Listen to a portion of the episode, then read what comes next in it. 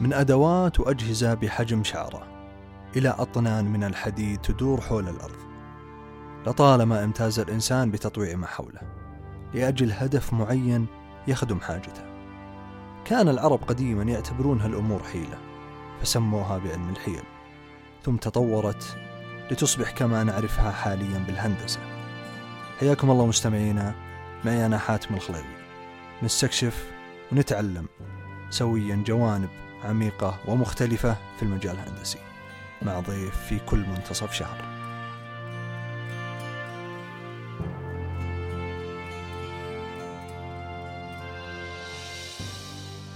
ضيفنا لهذا اليوم هو المهندس عبد الله حمدي طالب دكتوراه في الذكاء الاصطناعي ومؤسس منصة فهم.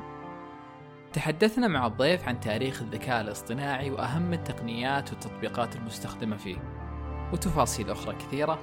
تسمعونها في باقي الحلقة.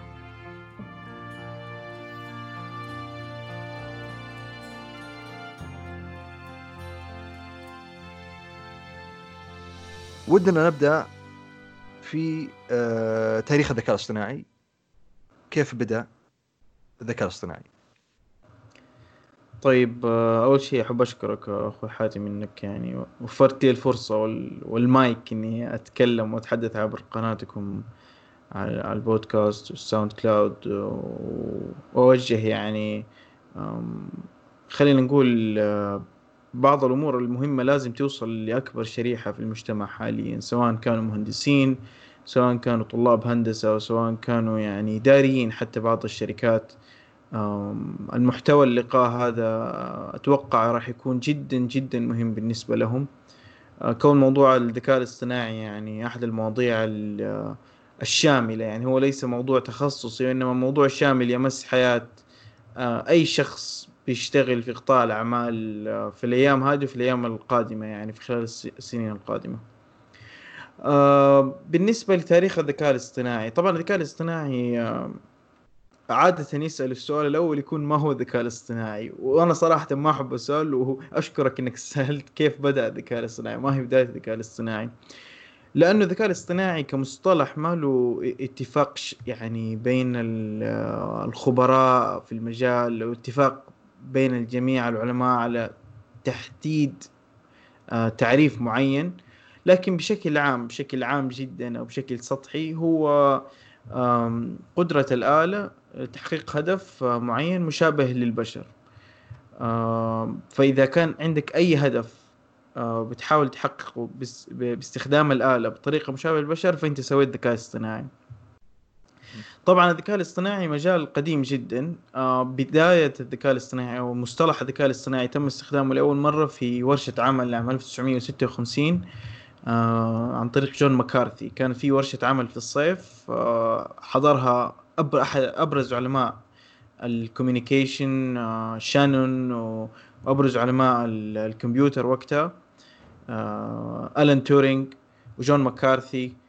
آه، فكان في ورشة عمل لتحديد أهداف آه، الذكاء الاصطناعي اللي هو كيف ممكن نسوي آه، كان طبعا لسه الكمبيوتر وقتها كان شيء جديد عارف كيف؟ فإنه تفكر في الذكاء الاصطناعي قبل ما يكون الكمبيوتر أصلا موجود فهذا يعني يوريك قديش إن الموضوع قديم جدا يعني عارف؟ ومن وقتها من 1900 و من الخمسينات يعني 1958 بدأ آه، آه، بدأ التطوير والأبحاث في هذا المجال. ولكن حصلت عدة يسموها winters أو waves يعني الذكاء الاصطناعي في تاريخه كان آه، في صعود وهبوط في المجال. طبعا الصعود يشمل دخول كثير من الأشخاص في مجال الأبحاث في هذا المجال. الشركات تدفع مبالغ طائلة على تطوير الذكاء الاصطناعي. شركات ناشئة بتسوي ريزنج فند عالي آه، تعتمد على الذكاء الاصطناعي. ويجي فترة هبوط بعدها من الخمسينات تلاقي فجأة الشركات فلست الأبحاث توقفت في المجال. ويرجع فترة صعود أخرى في الثمانينات. وثم فترة هبوط أخرى. وآخر فترة صعود كانت في بداية 2006 بدأ هناك آه، شهدنا نجاحات في في تطبيقات الذكاء الاصطناعي تحديدا في ال recognition أو ال machine learning deep learning تحديدا. آه، وفي النهاية الموجة الأخيرة هي اللي إحنا الآن في وسطها. بدأت تحديدا بشكل كبير في سنة 2012 كان في شبكة عصبية اسمها AlexNet فازت في تحدي التعرف على الصور ImageNet حققت نجاح باهر ومن بعدها اصبح ال deep learning وهو الموجة الأخيرة من الذكاء الاصطناعي.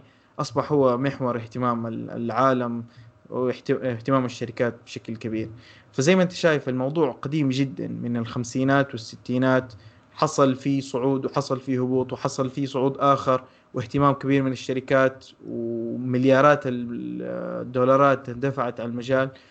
ومن ثم حصل ال AI winter يسموها إنه هو خلاص الأشخاص اللي بيدخلوا في المجال قليلين جدا الشركات اللي بتبحث في المجال قليلة جدا آه، ينتج عنه إنه المجال ككل يبدأ في تباطؤ في التقدم أو تباطؤ في آه، في الاكتشافات. إلى أن يعود مرة أخرى شخص أو مجموعة بحثية تقوم بعمل يعني مبهر بالذكاء الاصطناعي فيعود حركة البحوث ومن ثم الاستثمارات ومن ثم المجال ككل يبدأ في التقدم مجددا. ف... فزي ما أنت شايف الموضوع قديم جدا هذا التاريخ مختصر يعني بدأ من الخمسينات والثمانينات حصل تقدم آه، في OCR اللي هو object recognition كيف تعرف على من الصور تعرف على الأرقام أو الحروف. وهذا شيء قديم جدا. ومن وقتها معظم النظريات ال deep learning أو التعلم العميق. طبعا في الكلام حتكلم دائما الذكاء الاصطناعي artificial intelligence AI machine learning اللي هو تعلم الآلة و deep learning اللي هو التعلم العميق. طبعا التعلم العميق جزء من تعلم الآلة والتعلم الآلة جزء من الذكاء الاصطناعي فقط للتوضيح. طيب أنا أنا استوقفني معك آه، حديثك عن الهبوط آه، والصعود اللي يصير في المجال. أنت ذكرت أسباب الصعود بس ما ذكرت أسباب الهبوط. وش اللي يخلي المجال آه، فجأة كذا يعني يمر مرحلة يكون فيها الاهتمام فيه قليل؟ هل هو بسبب إنهم ما يرون إنه عائد الاستثمار حقه لا لا لا. أي نعم. آه هذا أحد الأسباب. أنت لما تتكلم عن شركات آه يستثمر فيها مليارات وبعدين المنتج حقها خلال خمس سنوات يكون صفر أو قريب من الصفر طبيعي راح آه الشركة أو المستثمر يبطل يستثمر بعد كده في المجال. ولما يحصل آه هذا الموضوع مع كل المستثمرين فبالنهاية حتى الجامعات حتى الشركات تبدأ تبطل تستثمر في مجال ما يعني it didn't live up to the hype عارف كيف؟ يعني كان في هايب في المجال آه واستثمارات كبيرة وانضخت. في النهاية ما استطاعت التطبيقات إنها آه تواكب التطلعات. والآن إحنا ترى في hype. الآن إحنا بنعيش في hype كبير جدا. تلاقي شركات بتضع مليارات المليارات في في المجال. قد بدأنا نرى تطبيقات كبيرة في المجال. راح أتكلم طبعا خلال اللقاء عن التطبيقات. لكن قد يكون في hype زيادة عن اللزوم. ويعني الاستثمارات اللي انحطت أو التوقعات عالية جدا. ما ما تتماشى مع الواقع المجال عارف كيف واقع التطبيقات. فبالتالي قد يكون هناك frustration ومن ثم يبدأ dry dry up ال fund للأبحاث من الشركات والجامعات وبالتالي يقل البحث في المجال مرة أخرى. الجميع الجميع الآن في المجال يتوقع حدوث AI winter قادم ربما في العشر أو عشرين سنة القادمة. انت أنت معلش تقصد AI winter اللي هو يعني خلينا نعربها بس اللي هي وش برود في المجال إنه يخف عليه الأبحاث آه، يعني زي الشتاء عارف؟ يعني آه، المجال أصبح فصول يعني يجي له فصل الصيف أو فصل الازدهار خلينا نقول واستثمارات تنضخ في الجامعات تنضخ في الشركات تضخ في الأبحاث تضخ في التطبيقات في المجال. آه، هنا يكون هناك اندفاع حتى من الأشخاص من الخريجين من الباحثين من الطلاب في الدخول في المجال. لما يبدأ المجال برود في المجال خلينا نقول اللي هو شتاء إنه يبدأ زي ما قلت لك بعد يعني بعد ال hype العالي على المجال آه تبدأ الشركات والمستثمرين والحكومات آه والجامعات تتوقع مخرجات. عندما لا يكون المخرجات هذه توافي التوقعات يحصل آه dry up تبدأ ال fund يقل. المبالغ اللي بتندفع من الجامعات والشركات والحكومات على المجال تبدأ تقل وفي النهاية يبدأوا الأشخاص الناس بشكل عام آه، يتجهوا لخيارات أخرى يعني إنترنت آه، في بلوك تشين في أشياء أخرى غير الذكاء الاصطناعي عارف كيف؟ قد تجذب الاهتمام ويبدأ يقل الباحثين في المجال وبالتالي يبدأ التباطؤ في في المجال بشكل عام. آه خلينا بس الحين أنا أنا الموضوع هذا نبي نعطيه نصيبه آه، خلال آه، خلال الفترة الجاية. لكن أنا اللي ودي اقف معك الآن إحنا لعلنا تعمقنا في فهم آه، المجال نفسه. لكن المفاهيم البسيطة اللي داخل المجال اللي مبني عليها المجال نفسه فيما يخص مثلا أي. مفهوم تعلم الآلة اللي أنت قلت لي إنه آخر صيحات الذكاء الاصطناعي. وش المقصود بمفهوم تعلم الآلة؟ طبعا تعلم الآلة ما هو آخر ذكاء ال deep learning أو التعلم العميق هو آخر الصيحات. تعلم الآلة قديم يعني بقدم الذكاء الاصطناعي. يعني من الخمسينات والسبعينات كان في بحوث في تعلم الآلة. طبعا إيش إيش هي تعلم الآلة؟ تعلم الآلة مقارنة بسيطة آه، بينها وبين البرمجة العادية، البرمجة العادية إذا في شخص قد قبل كده اشتغل programming أو اشتغل برمجة أو اشتغل في ال software بشكل عام اعرف إنه البرامج كلها عبارة عن function تاخذ input وتطلع output يصير لها processing ال input وتطلع output هذا أي برنامج أي process بشكل عام حتى لو أنت بتشتغل في engineering عندك process عندك مدخلات ومخرجات وعندك process آه اللي هو يحول المدخلات للمخرجات. ال software نفس الشيء آه في مدخلات في البرنامج عندك وفي مخرجات وفي عندك آه متطلب إنه البرنامج مثلا يكون بسرعة معينة يستخدم memory معين.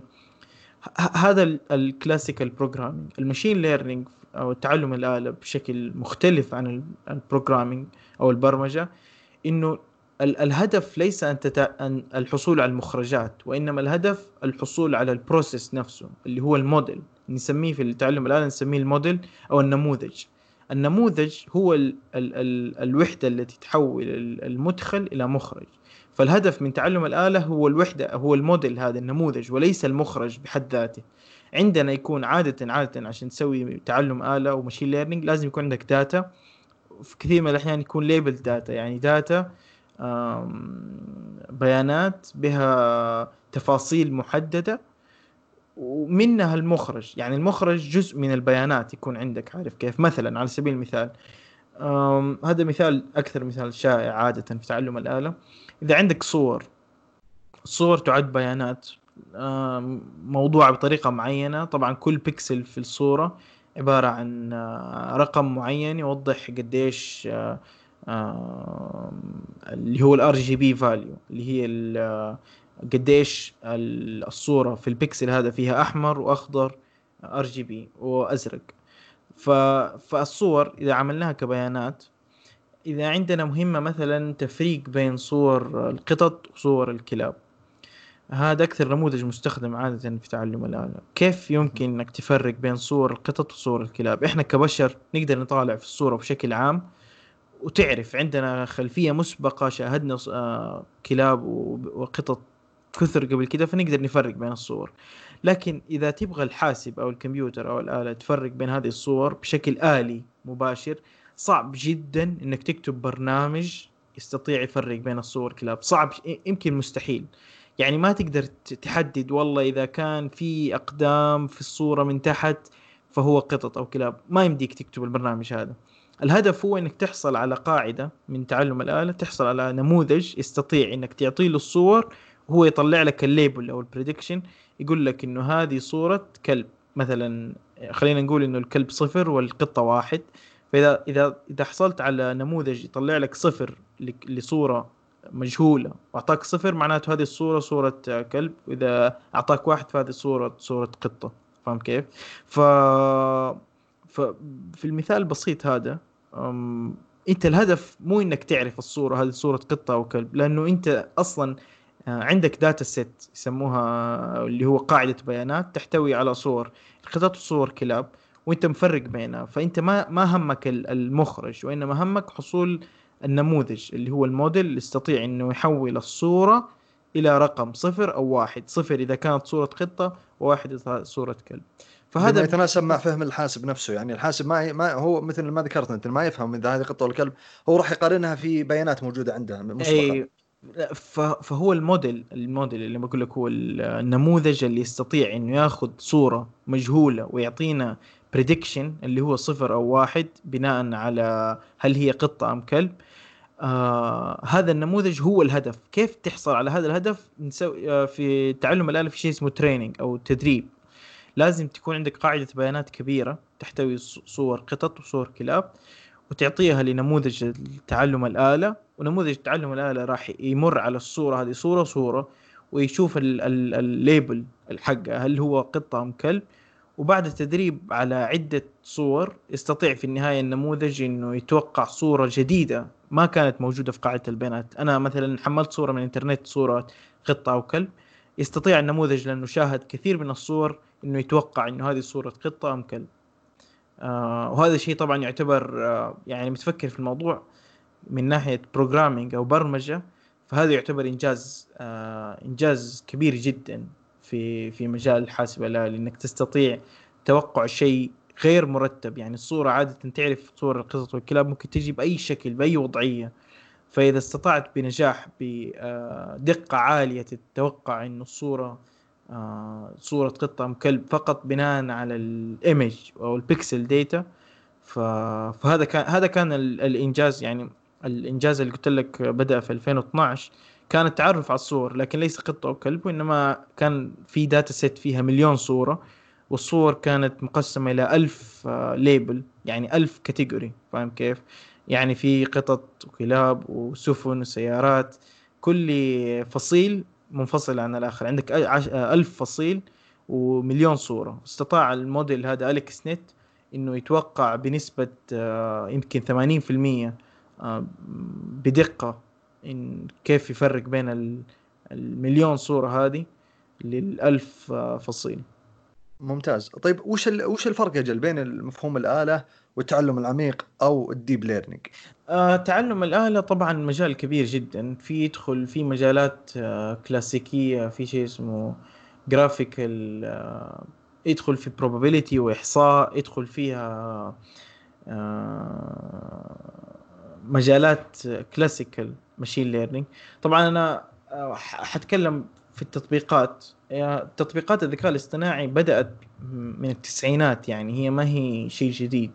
أشهرها أشهرها شيء معروف اسمه recommendation system آه إذا قيد أحد آه تسوق عبر أمازون أو سوق دوت كوم أو متاجر إلكترونية عادة المتقدمة تستخدم آه نموذج recommendation system اللي هو يطلع لك شيء آه، أو منتج قريب جدا من رغباتك قريب آه، من احتياجاتك بحيث إنه يزيد نسبة شراء المستخدم يعني مثلا إذا أنت دخلت امازون واشتريت كتب معينة في مجال مثلا الفلسفة في المرة القادمة لما تيجي تبحث في الكتب راح يطلع لك كتب قريبة من الفلسفة فاهم كيف؟ واحتمالية الشراء راح تزيد وبالتالي أرباح الشركة راح تزيد. هذا أحد أشهر تطبيقات الذكاء الاصطناعي وما تس... هذا machine learning يعتمد على تعلم الآلة لكنه ما هو deep learning وهذا كان شيء كان موجود من التسعينات. آه... تطبيق آخر كان لتعلم الآلة اللي هو anomaly detection اللي هو اكتشاف البيانات الشاذه طبعا إذا أحد آه، استخدم credit card أو فيزا وكان بيسافر كثير من الأحيان قد يمكن سمع أحدكم القصة هذه أو صارت له شخصيا إنه البنك يوقف بطاقة الصراف أو بطاقة ال credit card آه، تلقائيا بشكل غريب يعني بدون سبب. أنت مثلا كنت مسافر آه، فرنسا ورحت بريطانيا وجاي تدفع بالفيزا فجأة تلاقي الفيزا قفلت عليك. السبب إنه في خوارزمية أو موديل يستخدم anomaly detection اكتشف إنه إذا شخص استخدم فيزا في دولة ومن ثم انتقل لدولة ثانية فاحتمالية إنه يكون آه، شخص هكر الفيزا وسرق البيانات عارف كيف؟ فعشان كذا البرنامج اوتوماتيكيا يقفل الحساب ويقفل البطاقة.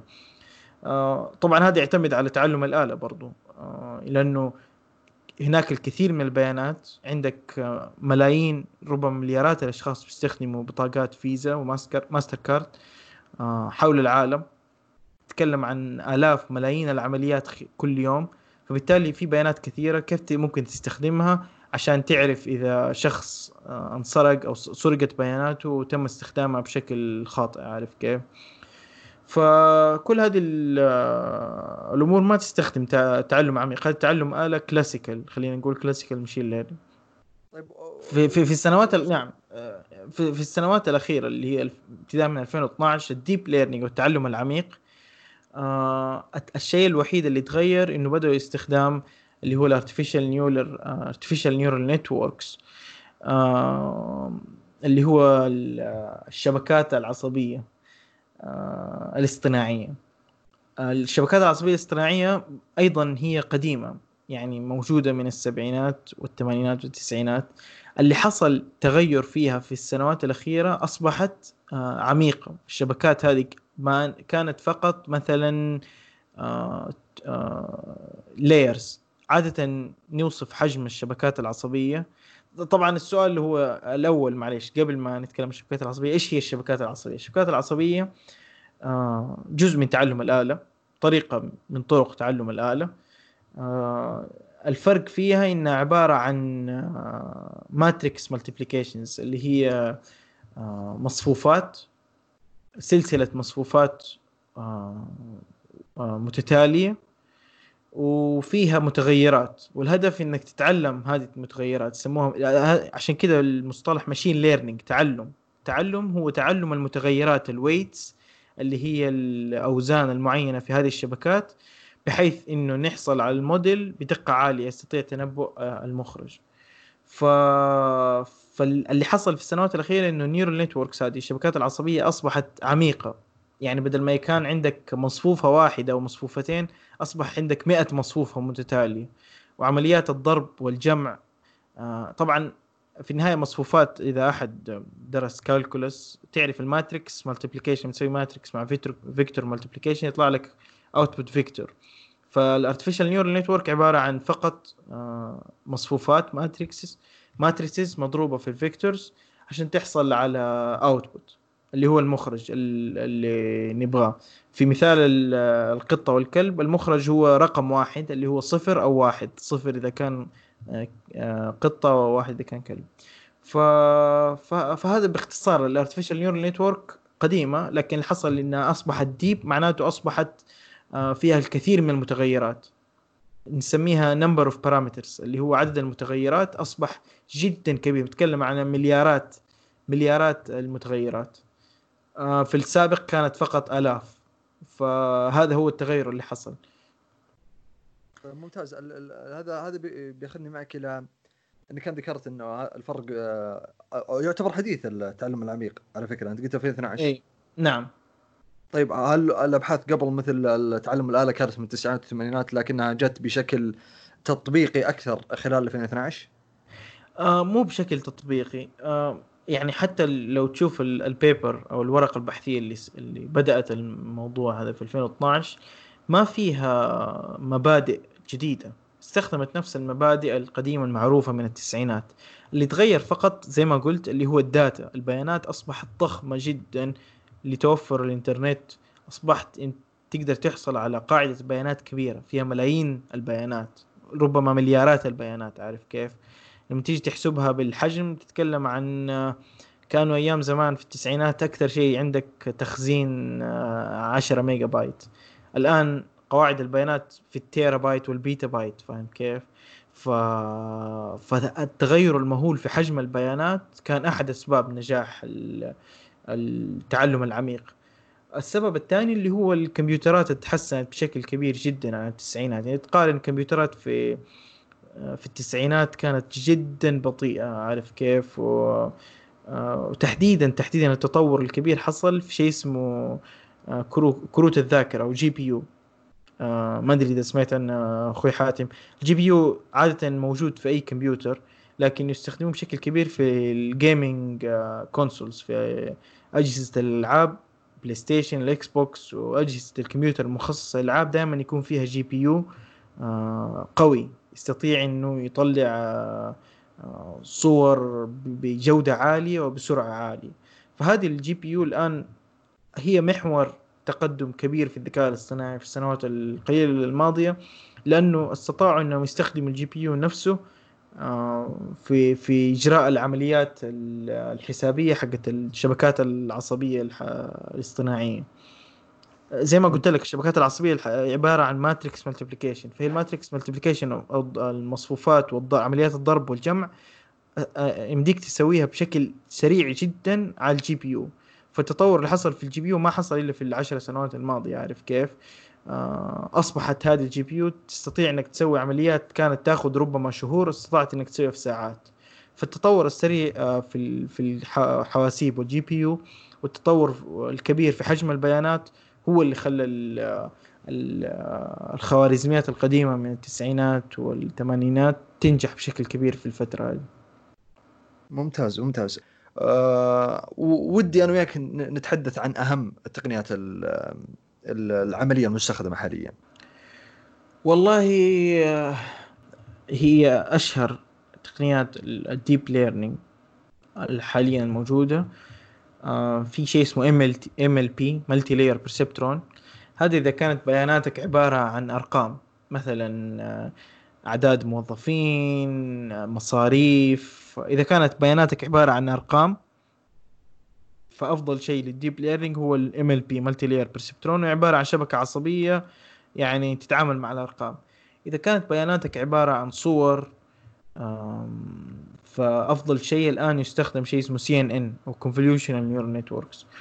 إذا كانت بياناتك عبارة عن signal أو مثلا أصوات أو ان أو لغة مثلا عندك text معين نص حاول حابب تسوي له machine learning أو تدرب النموذج عليه.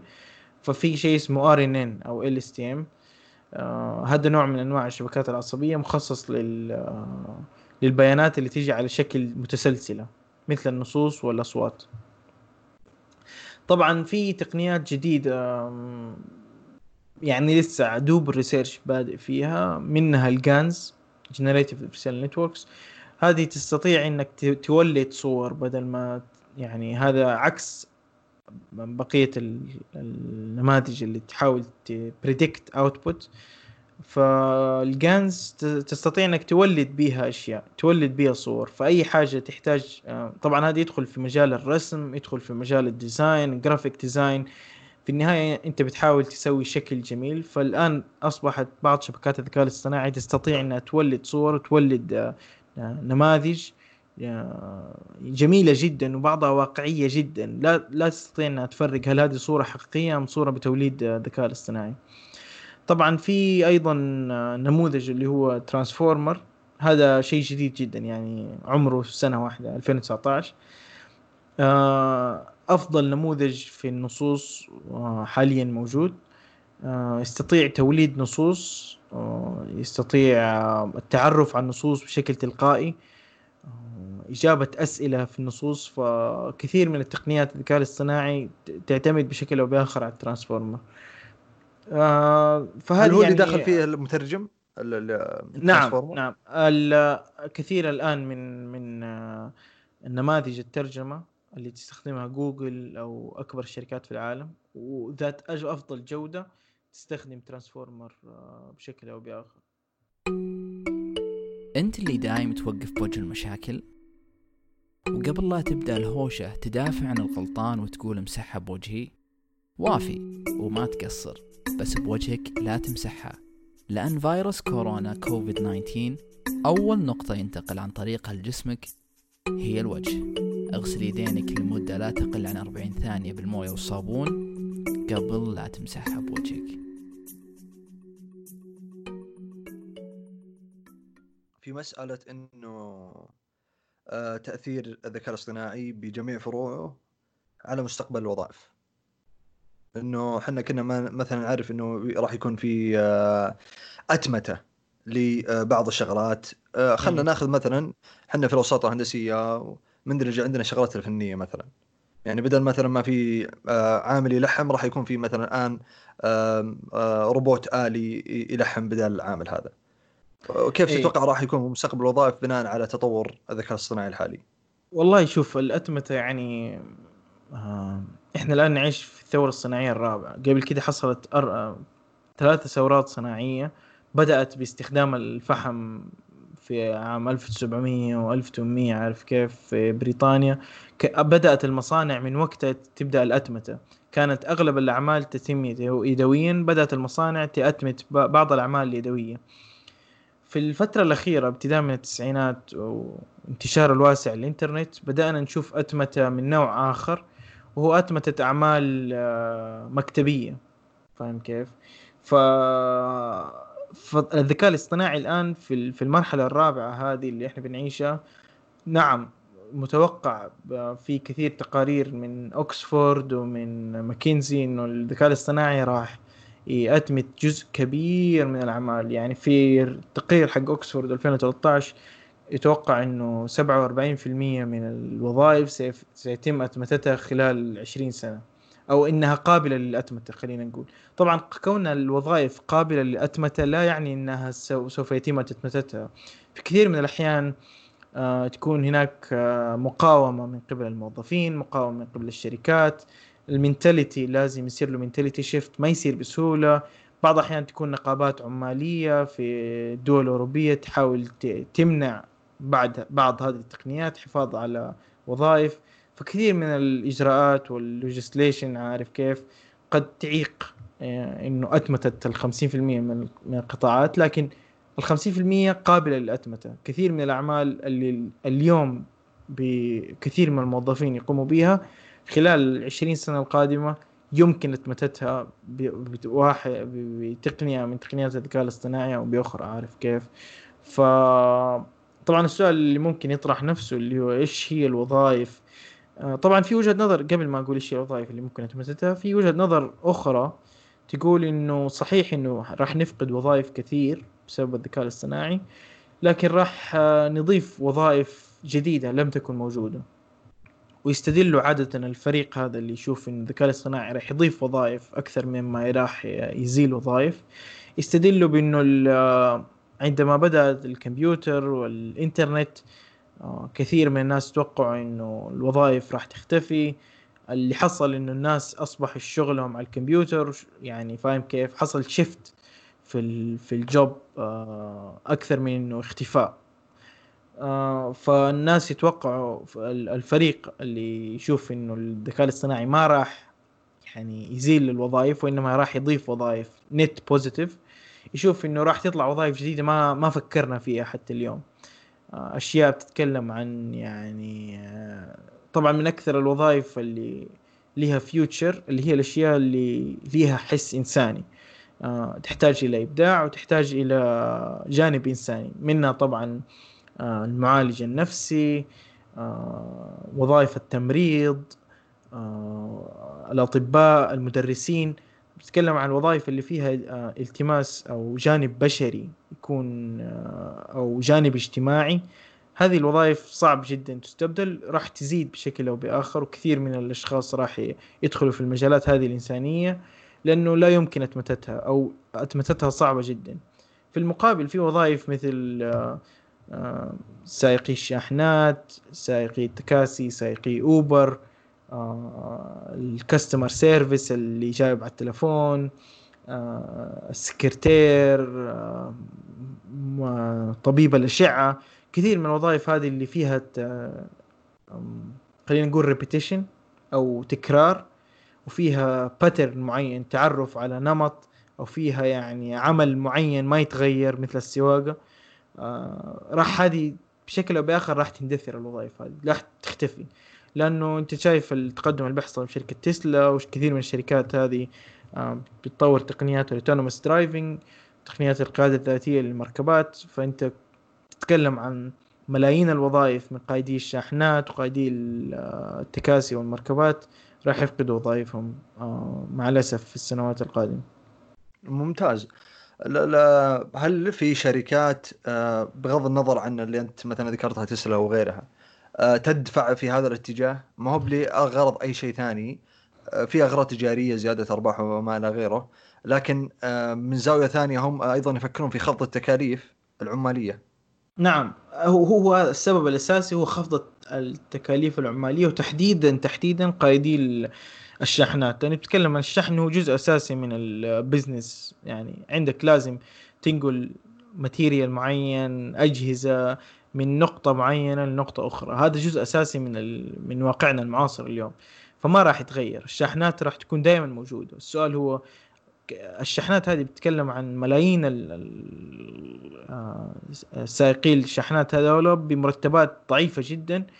بتكلف بتكلف الشركات بشكل كبير. عارف كيف؟ في النهاية السائق الشاحنه ما يقدر يشتغل 24 ساعة لازم ياخذ إجازة لازم يستريح. فاهم كيف؟ فهذا الشيء كله بيكلف الشركات الشحن. وشركات الشحن متكلف في النهاية بتزيد التكلفة على على العميل.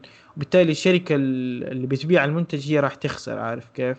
فإذا استطعت إنه تخفض تكاليف الشحن أنت بتخفض تكاليف المنتج بتزود أرباح الشركة اللي بتبيع أي غرض سواء كان آه سواء كان يعني منتجات للمستهلكين العاديين أو سواء كانت منتجات آه material يعني زي السمنت أو شركات يعني heavy material عارف كيف؟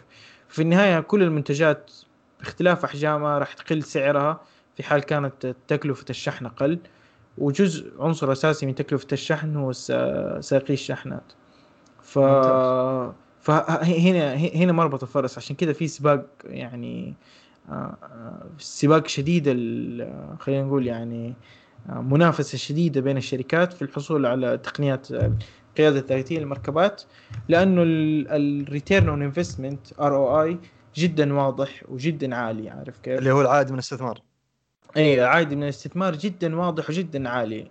آه، بخلاف بعض تقنيات الذكاء الاصطناعي ربما ما تكون واضح العائد من الاستثمار. مثلا إذا حسنت صورة آه، إذا حسنت جودة الصور في الكاميرات أو إذا مثلا استطعت إنك تتعرف على صور معينة تلقائيا ما راح يكون في عائد ممكن شركات جوجل أو أبل تستخدمها بشكل أو بآخر لكن العائد على الاستثمار ليس بالشكل المباشر والواضح والكبير مثل آه، آه، مركبات ذاتية القيادة. خلال هالأزمة آه، الله يعديها على خير إن شاء الله أزمة كورونا الذكاء الاصطناعي شفنا له تطبيقات كثيرة مرة موجودة في الساحة. ابتداء مثلا من بعض التطبيقات اللي تكلموا عنها في درون يجي يقيس درجه حراره بدل ما يكون في مثلا في تشخيص من الكادر الصحي نفسه. آه، وغيرها من التطبيقات. أنا صراحة ودي أقف على الادوار اللي آه، قام فيها الذكاء الاصطناعي خلال هالجائحة هذه.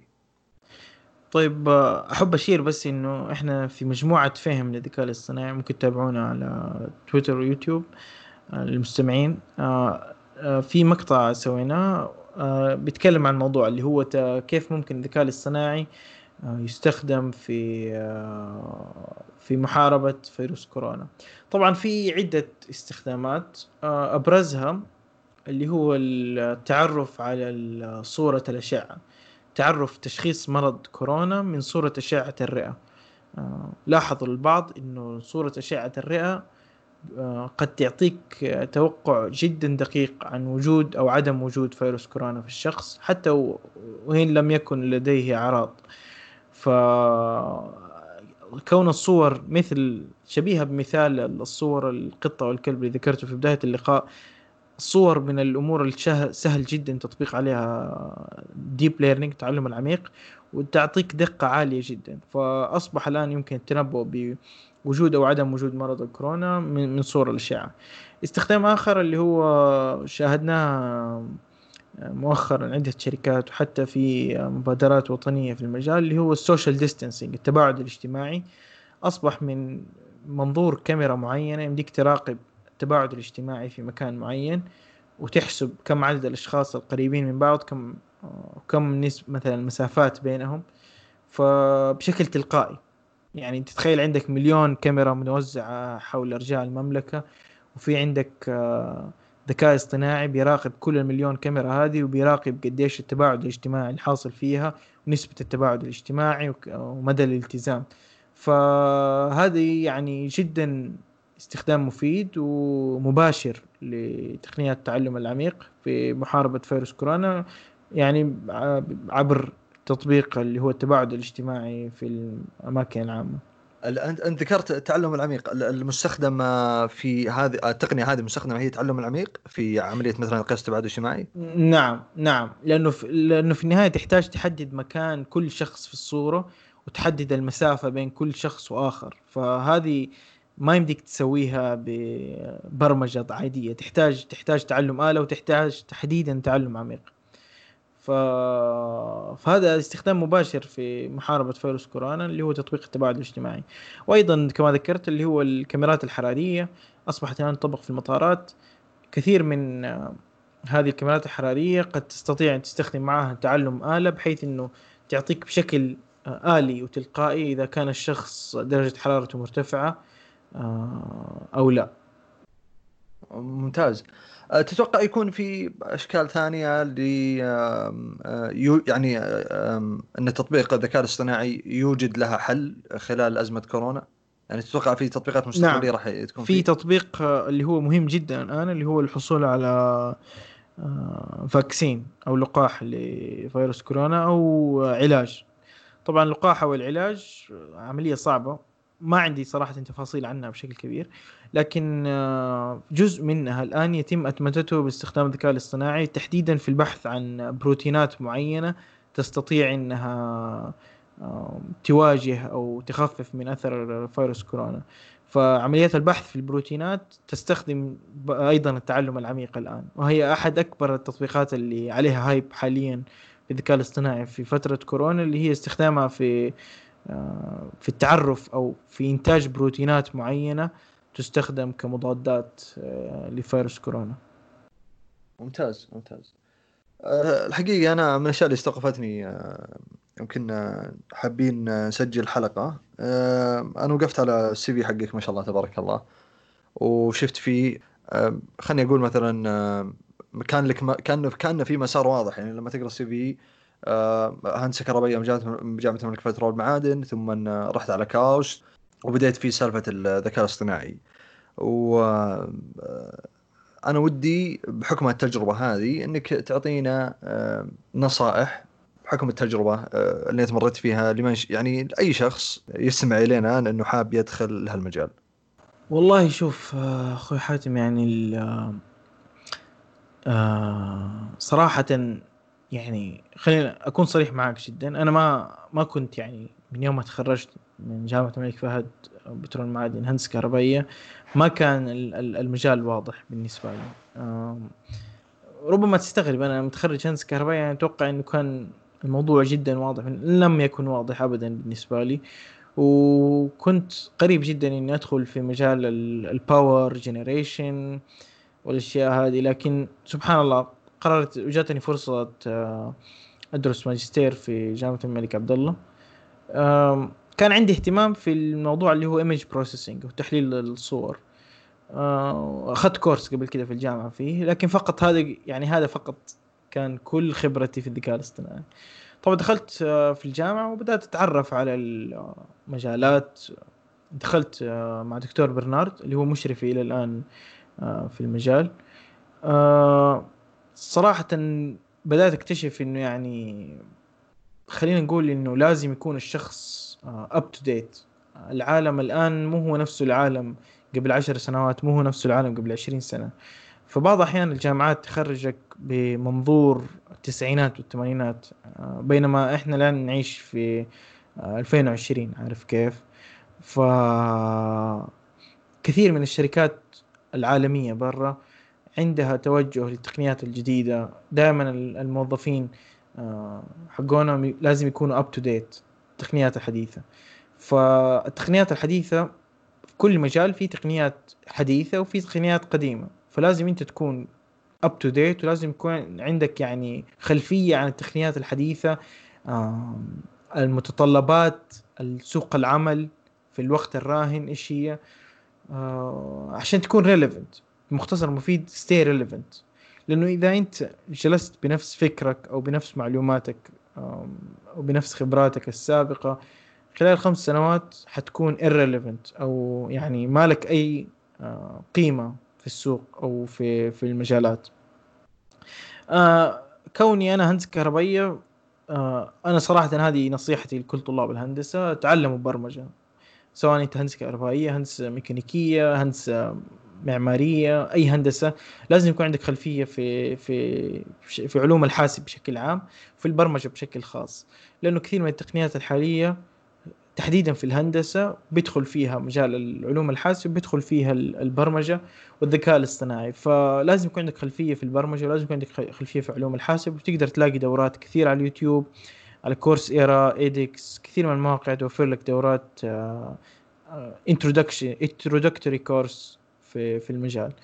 فخذ هذه الدورات اللي هي ال introduction introduction to machine learning introduction to data science introduction to artificial intelligence آه، تعلم برمجة لغة برمجة واحدة على آه، لا تحاول تدخل في مجالات عمل بها تكرار آه، أو بها آه، ما يكون في innovation أو ابتكار يكون فيها يعني عمل. روتيني تقصد. عمل روتيني مثلا أعطيك مثال.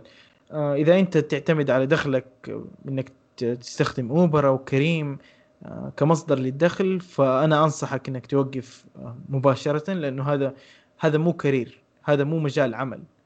آه، السيارات اللي أنت بتستخدمها وأنت بتسوقها راح يستبدلوها في أقرب فرصة إذا عندهم آلة أو روبوت يستطيع إنه يسوق سيارات Uber وكريم فهذا مو مجال عمل. آه، إذا أنت بتشتغل مثلا كاشير أو إذا أنت بتشتغل في مجال آه، ردود على الهاتف أو أشياء يعني ما تحتاج أي innovation ما تحتاج أي آه، إبداع ما فيها social context ما لها يعني جانب بشري ما لها جانب اجتماعي. فأنت في في في وضع يعني سيء صراحة. آه، حاول تدخل في مجالات اللي فيها تطور يعني فيها development في ال career آه، طبعا المجالات الهندسية بشكل عام تدخل تحت هذا المجال اللي هو تدخل تحت مجال التطوير المستمر تدخل تحت مجال ال innovation لأن فيها problem solving فيها مشاكل غير متوقعة. آه وفي نفس الوقت آه في مجالات ربما ما تخطر على البال أو إحنا نح ربما نحتقرها في الوقت ال- الراهن أو خلينا نقول ننتقص منها. هذه المجالات في الحقيقة راح تكون لها قيمة جدا كبيرة في في الاعوام القادمة. ذكرت منها اللي هي الأعمال اللي فيها جانب اجتماعي وفيها جانب بشري التمريض آه، المعالجين النفسانيين آه، المساعدين كبار السن حتى في دار المسنين والعجز ال- الأشخاص اللي بيتعاونوا مع كبار السن هذه صعب جدا يتم أتمتتها. فهذه الوظائف راح يكون فيها رواتب عالية جدا في المستقبل ربما بشكل غير متوقع. آه، ف ف يعني.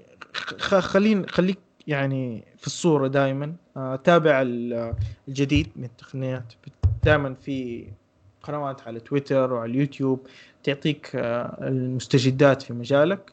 فحاول تكون up to date ممتاز stay ممتاز. relevant إذا بلخص بلخصها في كلمتين stay relevant okay stay ممتاز. relevant لأنه يعني المقصود في خليك يعني خليك آه، آه، خليك حديث ها خليك إيه. حديث خلينا نقول خليك حديث مو شرط حديث يعني خليك في في بعضهم يقولوا stay in the game أو join the game يعني خليك في في, من- في ضمن. إطار اللعبة هي لا تكون خارج اللعبة يعني ال- الآن أنت شايف ال- التطور اللي بيحصل شايف ال- ال social media الأشياء هذه التقنيات اللي بتطلع يعني لا تقول إنه هذه والله ما ما لي علاقة بيها خليني برا الموضوع أنا ما أفهم خليني برا ما لي علاقة في النهاية راح تكون irrelevant.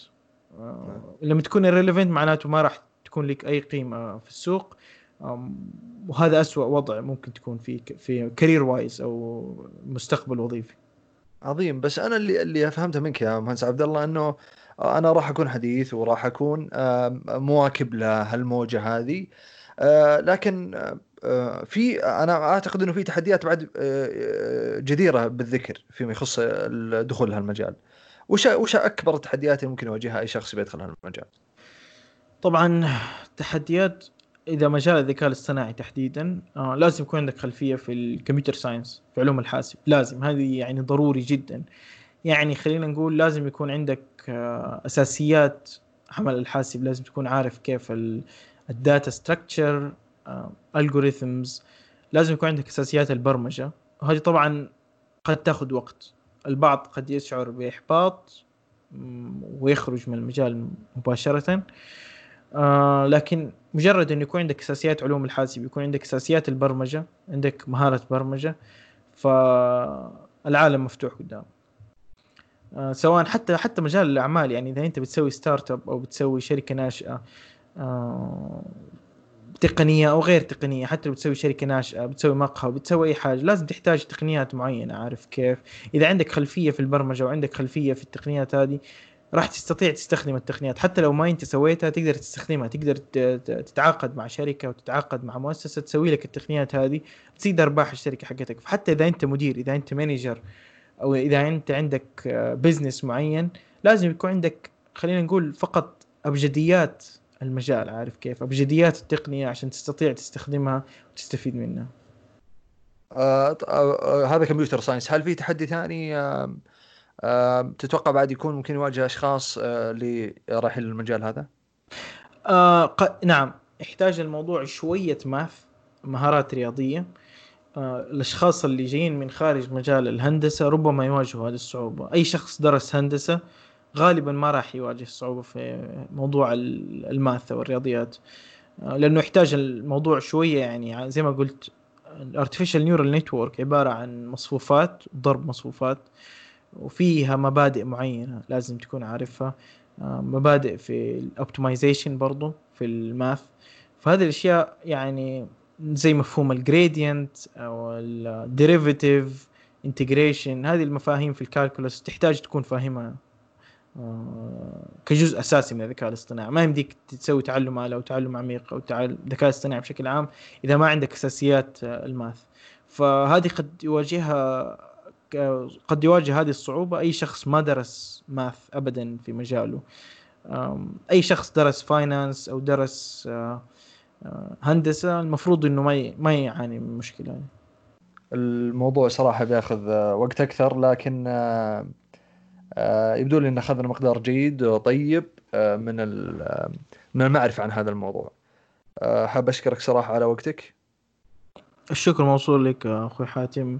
وإذا حابين تتعرفوا أكثر على مجال الذكاء الاصطناعي ادخلوا على موقع مجموعة فهم فهم dot AI F A H M dot AI تلاقوا محتوى كثير باللغة العربية كله مقاطع دروس مقالات في الذكاء الاصطناعي. فهذه فرصة يعني إحنا بنحاول في مجموعة فهم يعني ما, ما تكلمت أنا كثير عن مجموعة فهم لكن نحاول في مجموعة فهم إنه نحاول نبسط مجال الذكاء الاصطناعي باللغة العربية للمهتمين للمجال. ممتاز. أنا راح أرفق بإذن الله عز وجل في الوصف الروابط فيما يخص آه، موقع فهم وأيضا أي آه، عناوين أخرى إحنا وقفنا عليها رئيسية. حتى مثلا منها شبكة العصبية neural networks حتى يستطيع المستمع إنه ياخذ فكرة أكبر. يعطيك العافية مهندس عبد الله. وفي نهاية الحلقة لا تنسون نشر الحلقة لمن حولكم والاشتراك بالقناة وأيضا زيارة موقعنا. متابعتنا على وسائل التواصل تويتر وإنستغرام الموجودة في الوصف تحت. شكرا لكم.